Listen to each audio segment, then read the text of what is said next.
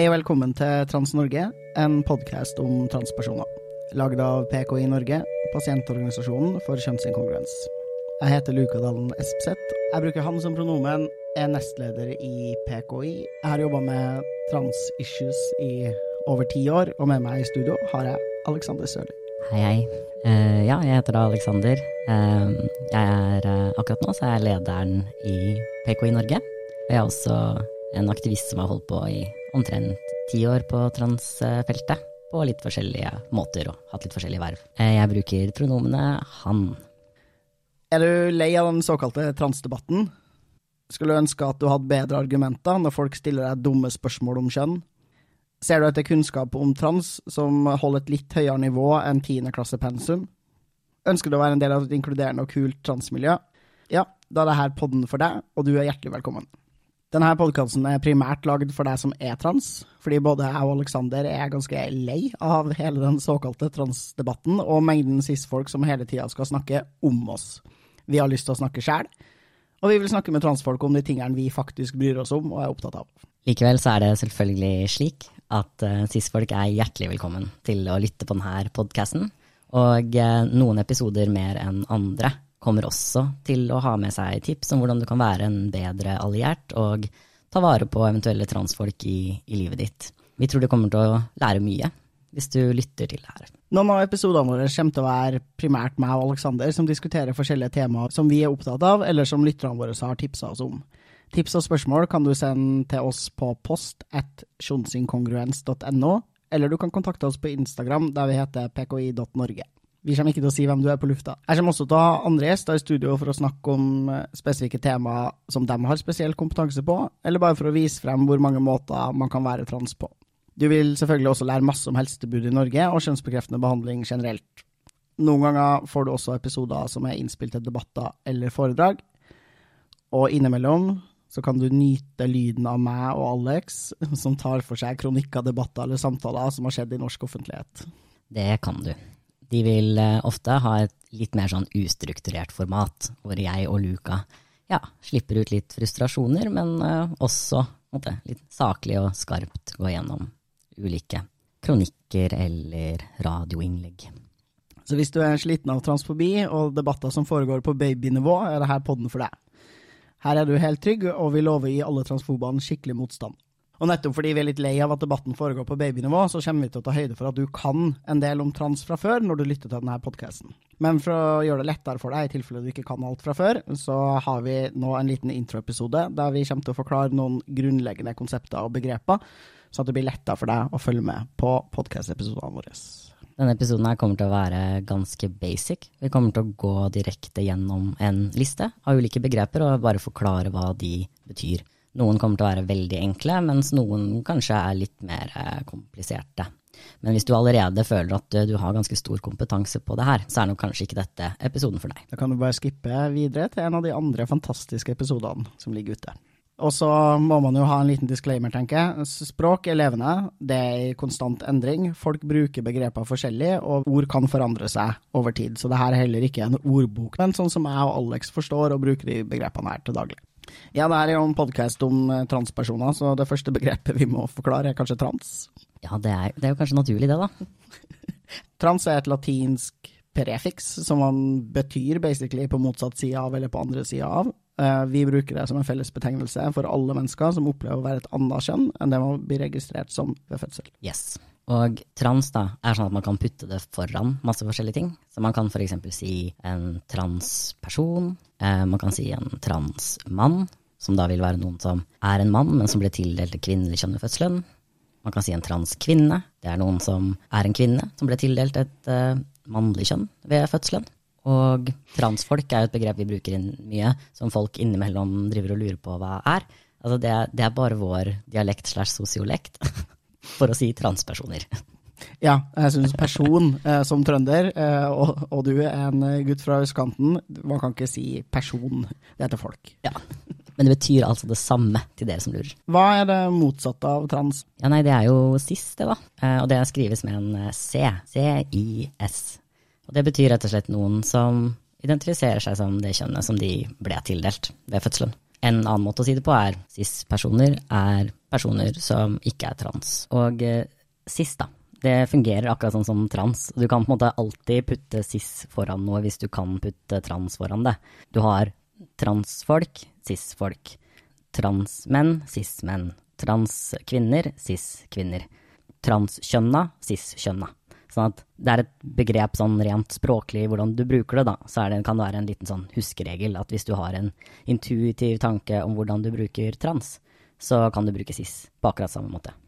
Cis-folk dem er dere jo sikkert godt kjent med. Det er stort sett uh, cis-menn og cis-kvinner. Uh, mens uh, transfolk kommer i litt flere utgaver. Transfolk kan være kvinner eller menn. I tillegg så finnes det mennesker som er ikke-binære, og det er en fellesbetegnelse for mennesker som opplever å være kvinne og mann, som opplever at man beveger seg mellom kvinne og mann, eller som ikke opplever skjønn i noe særlig grad i det hele tatt. Binaritet er jo på en måte bare at man har to poler. Du har liksom mann og kvinne.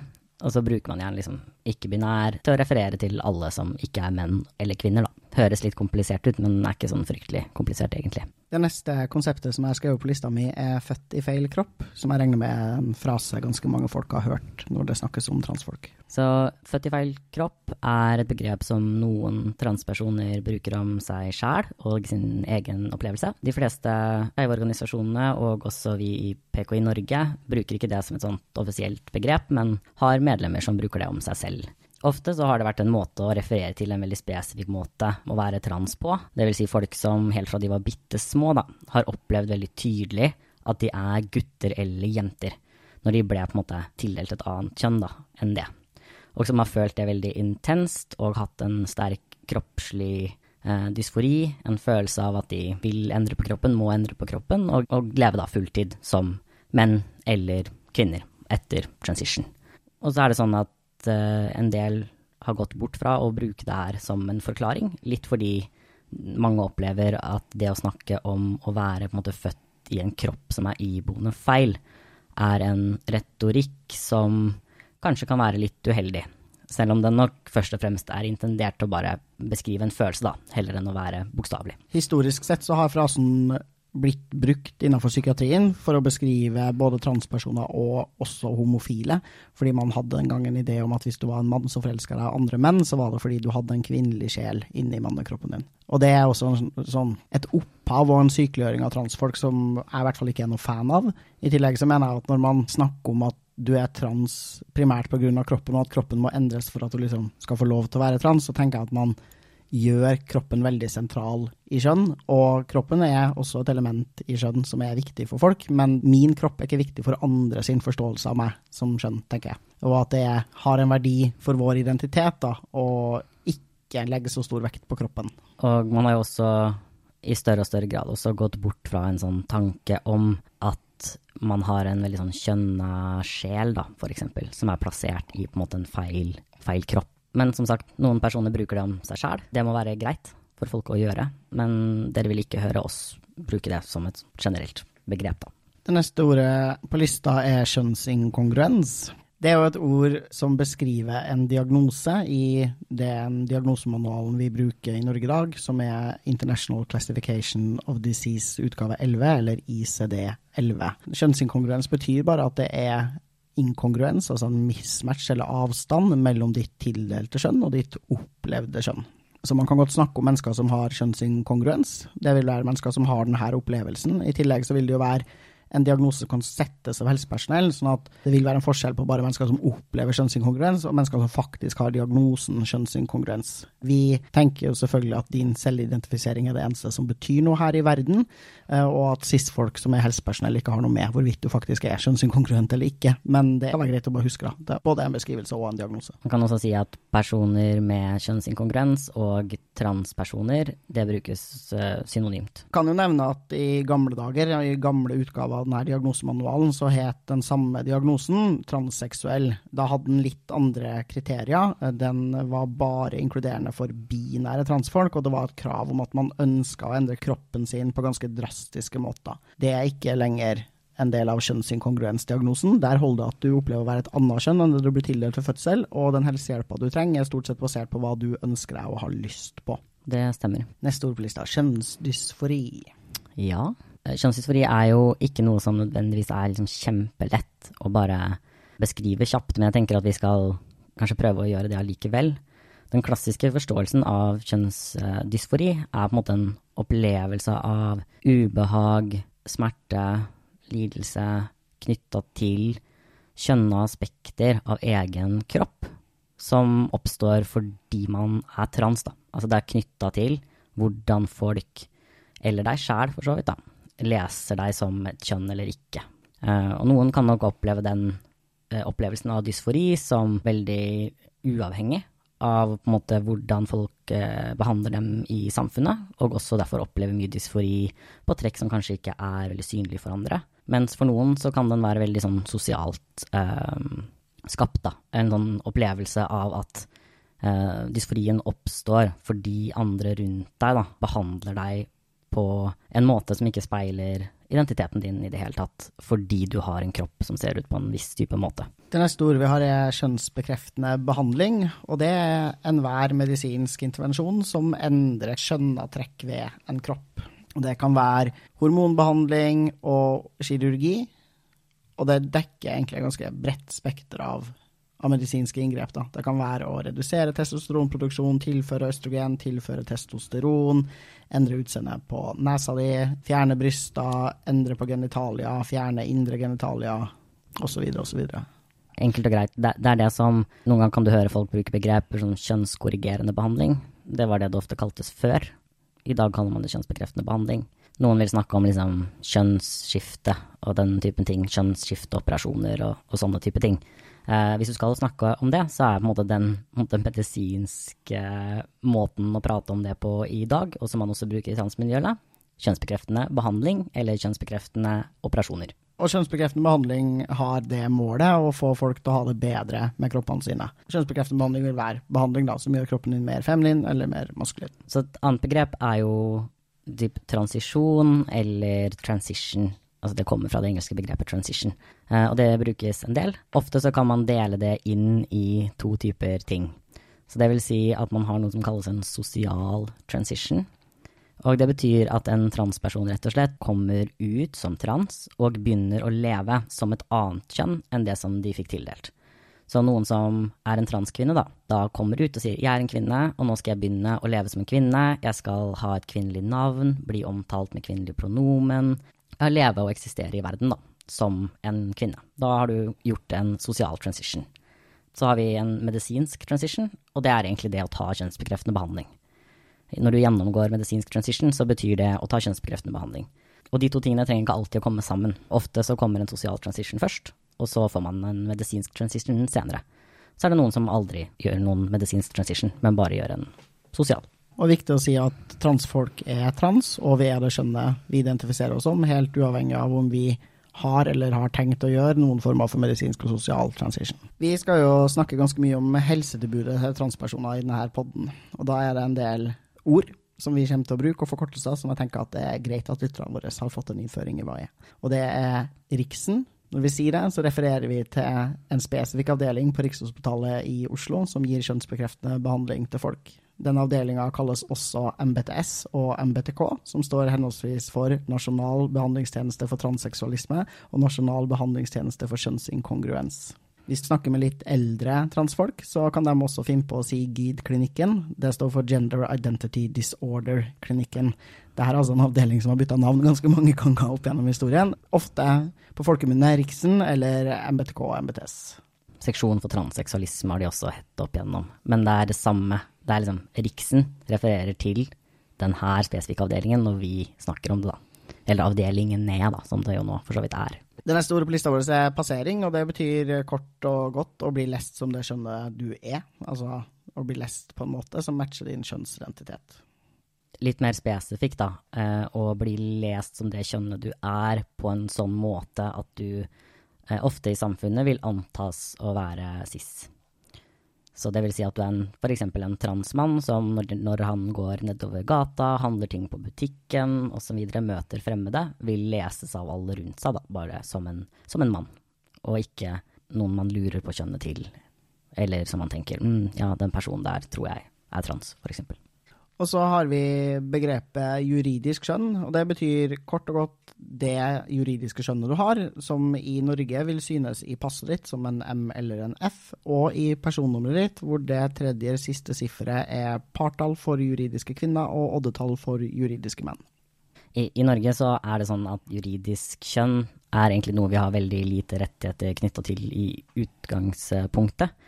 Så juridisk kjønn er på en måte primært noe man snakker om i forhold til at transfolk skal ha muligheten til å bytte det for å eh, ha måte, identifikasjonspapirer da, som matcher det uttrykket og identiteten og utseendet som de eventuelt har.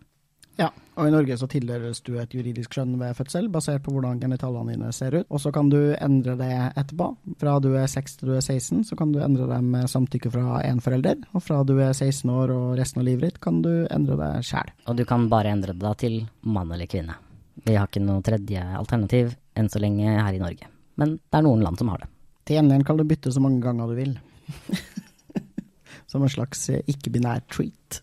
Hvis du er en ikke-binær person, så kan du bare bytte juridisk skjønn annenhver måned for å lage fuck-up i systemet til staten fordi du er sur fordi de ikke gidder å anerkjenne det. Dessverre så eh, fucker det alltid også opp ganske mye av ens eget system. det er sant. Du vil aldri ha nettbank igjen i ditt liv hvis du gjør det her. så det er ikke sikkert at du har lyst, men muligheten er der. Et ganske grunnleggende og viktig begrep er jo kjønnsidentitet, og det har vi for så vidt allerede snakka litt om, men det er altså din indre følelse av hvem du er som kjønn. Og kjønnsidentiteten din kan også være kvinne, mann eller ikke-binær, og du kan selvfølgelig også omtale den og forklare den på veldig mange forskjellige måter. Du bestemmer sjæl hvilke ord du bruker for å forklare verden hvem du er. Og noen ganger så kan det også hende at man hører folk bruke begreper for ulike kjønnsidentiteter som ikke er mann, kvinne og eventuelt ikke-binær også. Særlig så er jo ofte ikke-binær Altså ikke-binær er ofte både en kjønnsidentitet for noen, men det kan også være en samlebetegnelse for ulike kjønnsidentiteter som ikke er mann og kvinne. Så noen kan f.eks. kalle seg agender, vet jeg en sånn ting som en del folk bruker. Om en sånn opplevelse av å ikke ha noe kjønn.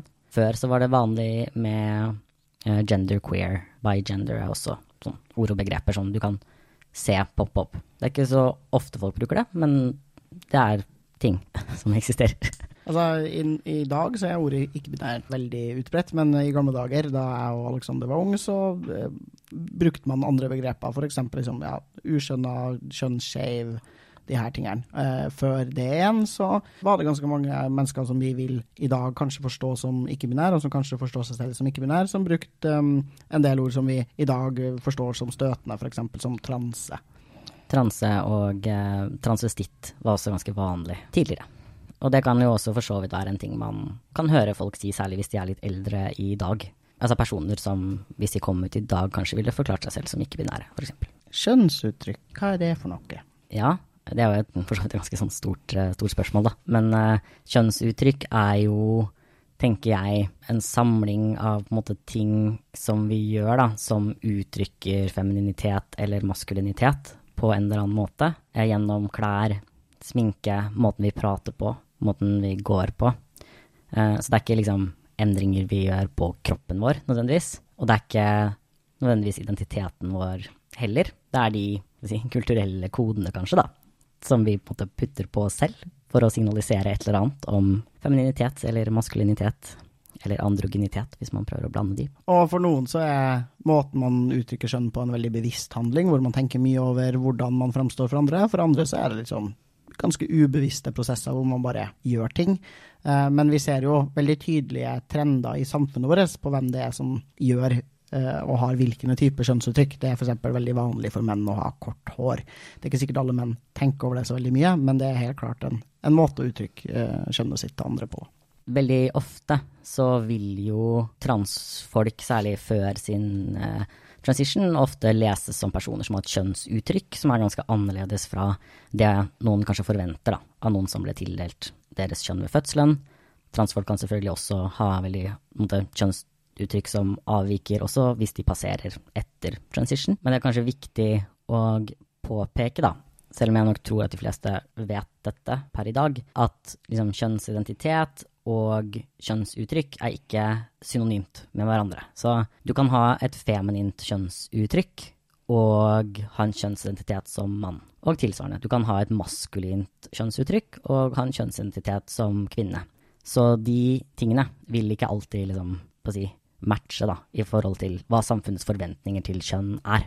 Ja, og hvis du uttrykker kjønn på en annen måte enn det samfunnet forventer, så kaller jeg det ofte å ha et normbrytende kjønnsuttrykk. Ja, da kan man si at noen er liksom kjønnsoverskridende i sitt uttrykk, f.eks., eller ikke-kjønnskonform er også et sånt begrep som man innimellom vil høre. Et annet uh, begrep som kanskje er litt sånn sammen med passering, kanskje, er uh, noe som heter stealth. Og det å være stealth, det er når en person som passerer etter sin transition, velger å ikke være åpen om sin transstatus. Det kan f.eks. bety en transkvinne som har gått gjennom en sosial og medisinsk uh, transition, passerer uh, som kvinne, og velger å ikke være åpen om at hun har tatt kjønnsbekreftende behandling, og da er trans. Hun lever bare som en kvinne, og lar andre anta at hun er en cis-kvinne, eller eventuelt aktivt uh, sier at hun er en cis-kvinne, enten ved å på en måte, med hvilke ord, man, ord og begreper hun bruker, sånn at hun, man kan opprettholde den antagelsen, eller noen ganger direkte.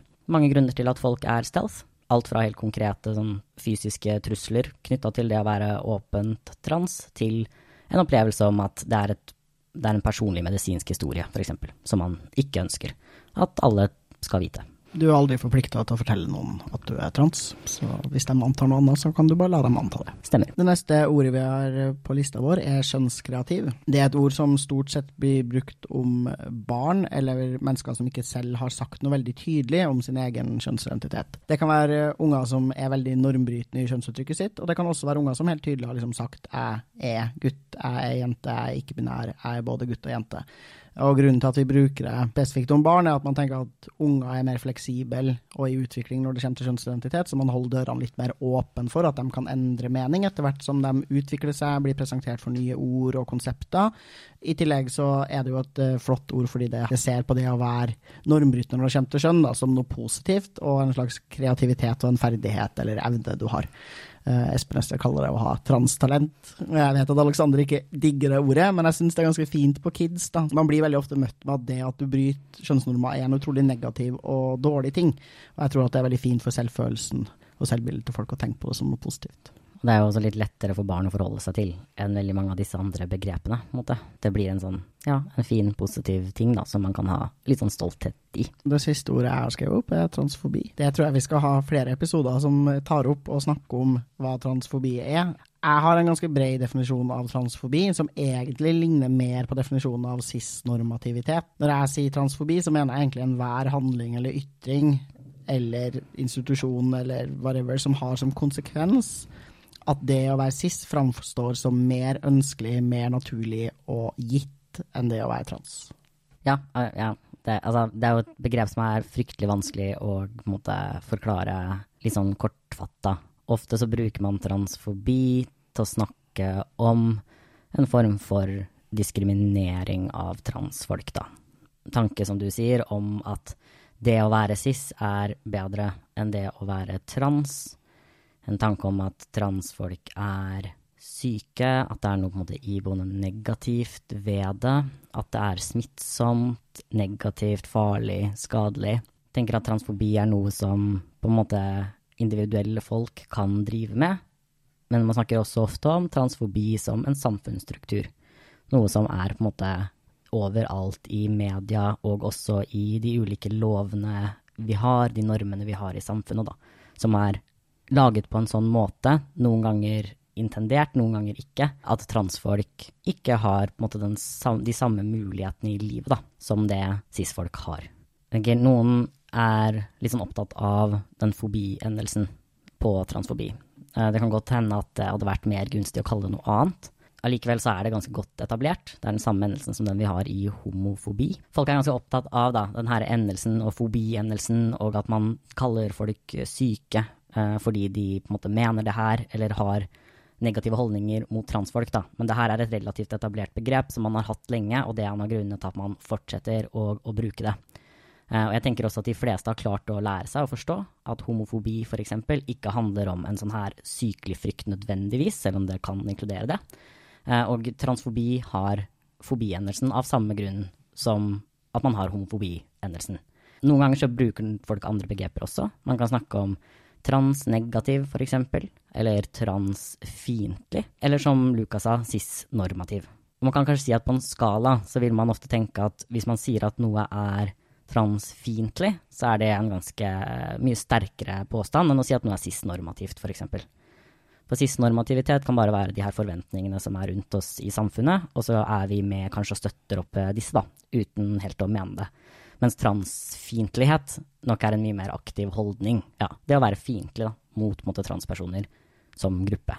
Mens transfobi er et bredt begrep. Den rommer nok for mange i hvert fall, da, et ganske stort spenn av de. Kanskje ikke alle tilfeller av cis-normativitet vil falle innenfor, men fra si, noen mer alvorlige tilfeller da, av cis-normativitet til veldig eksplisitt transfiendtlighet, vil jeg si.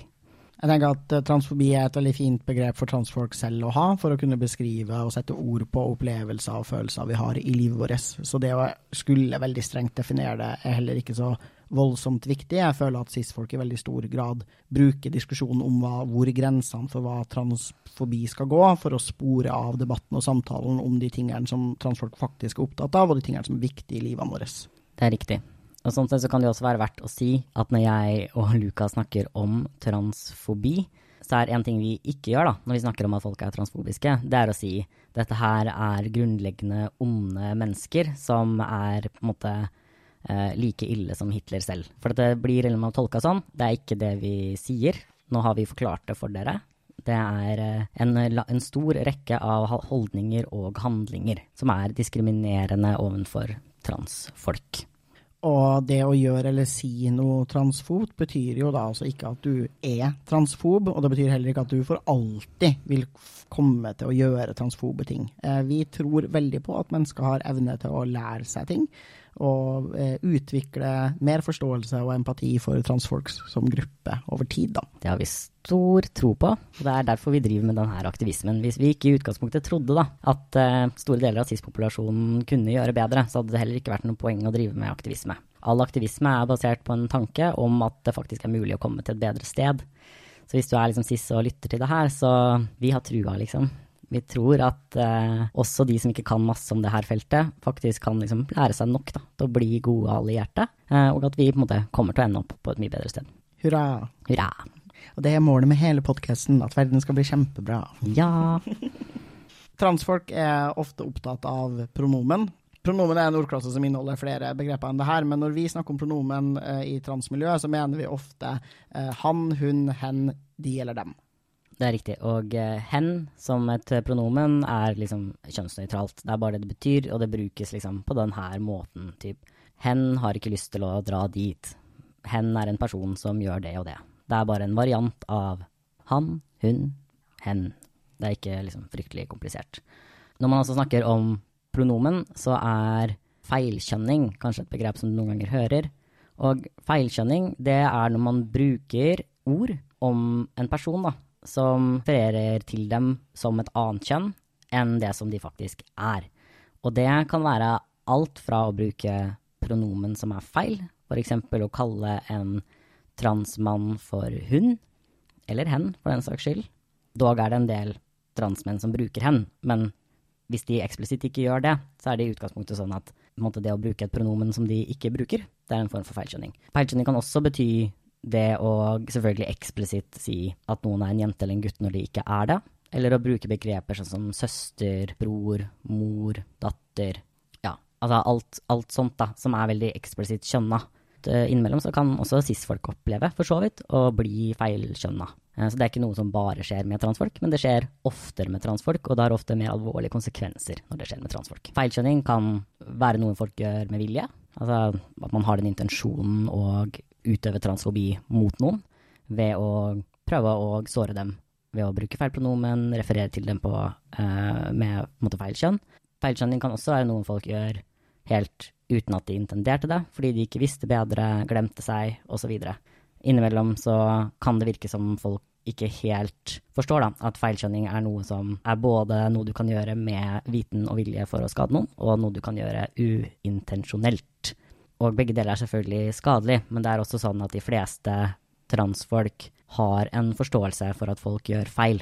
Og veldig ofte når vi da snakker veldig hardt da, om folk som feilskjønner osv., så, videre, så er det ofte en litt implisitt forståelse her om at vi snakker om personer som enten gjør det veldig bevisst for å såre, eller som veldig tydelig ikke gidder å putte inn noen effort på å vise respekt, heller enn tilfeller der folk gjør en feil uten å ønske det. Og hvis du skulle komme i fare for å feilskjønne noen, og du vet at du har gjort det, eller får beskjed om at du har gjort det, så er det veldig lett å si sorry, takk for at du sier fra, og så bare fortsetter du å bruke riktig pronomen, eh, ja. riktig navn osv. Si, altså det finnes en del begreper og ord som enten transorganisasjoner er enige om at det er støtende, eller som enkeltpersoner kan finne støtende. Og det er ofte ord som har blitt brukt som skjellsord historisk, eller som har blitt brukt på en sykeliggjørende og diskriminerende måte. Og en del av de ordene er det folk som fortsatt bruker om seg selv, men vi bruker dem ikke eh, om gruppa. Og hvis du er cis, så skal du bare la være. Tenker jeg ord som transe og transvestitt. Og også sånn pornobegreper, hvis du liksom kommer på de i det hele tatt. Det inkluderer liksom shemale og den typen ting. Det er ganske safe å gå for transperson i dag. Så er det de færreste som har noen problemer med bruken av det transe særlig, er et begrep som også brukes ekstremt mye som et skjellsord.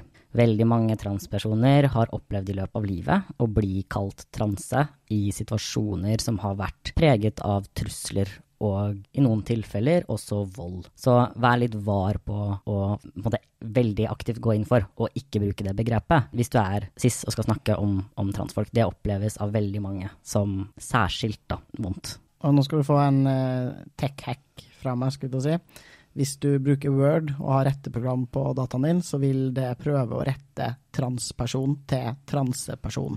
Da må du gå inn i ordboka di og fikse det, sånn at hvis du skriver tekster om transfolk, så skriver du det riktig. Godt tips. sånn fra én dyslektiker til alle andre dyslektikere der ute. Godt praktisk råd på slutten her. Tusen takk for at du var med på poden i dag, Aleksander. Jeg gleder meg masse til å lage kjempemange kule podkast-episoder med deg. Det blir veldig bra. Jeg heter Luka Dalen Espeseth. Takk til Martin Skjold for eh, den nydelige Trans-Norge-musikken. Takk til Thomas Westervold Hansen for grafisk profil til podkasten. Takk til Fritt Ord, som gjør det mulig for oss å produsere denne podden. Følg Trans-Norge der du lytter til podkaster for å få med deg alle episodene av podden. Spre gjerne ord om podkasten hvis du liker den, og vi blir skikkelig glad hvis du rater oss i podkast-appen din. Følg PKI på Facebook og Instagram, der heter vi pki.norge. Og meld deg inn i PKI Norge på nettsidene våre www.sjonsinkongruens.no.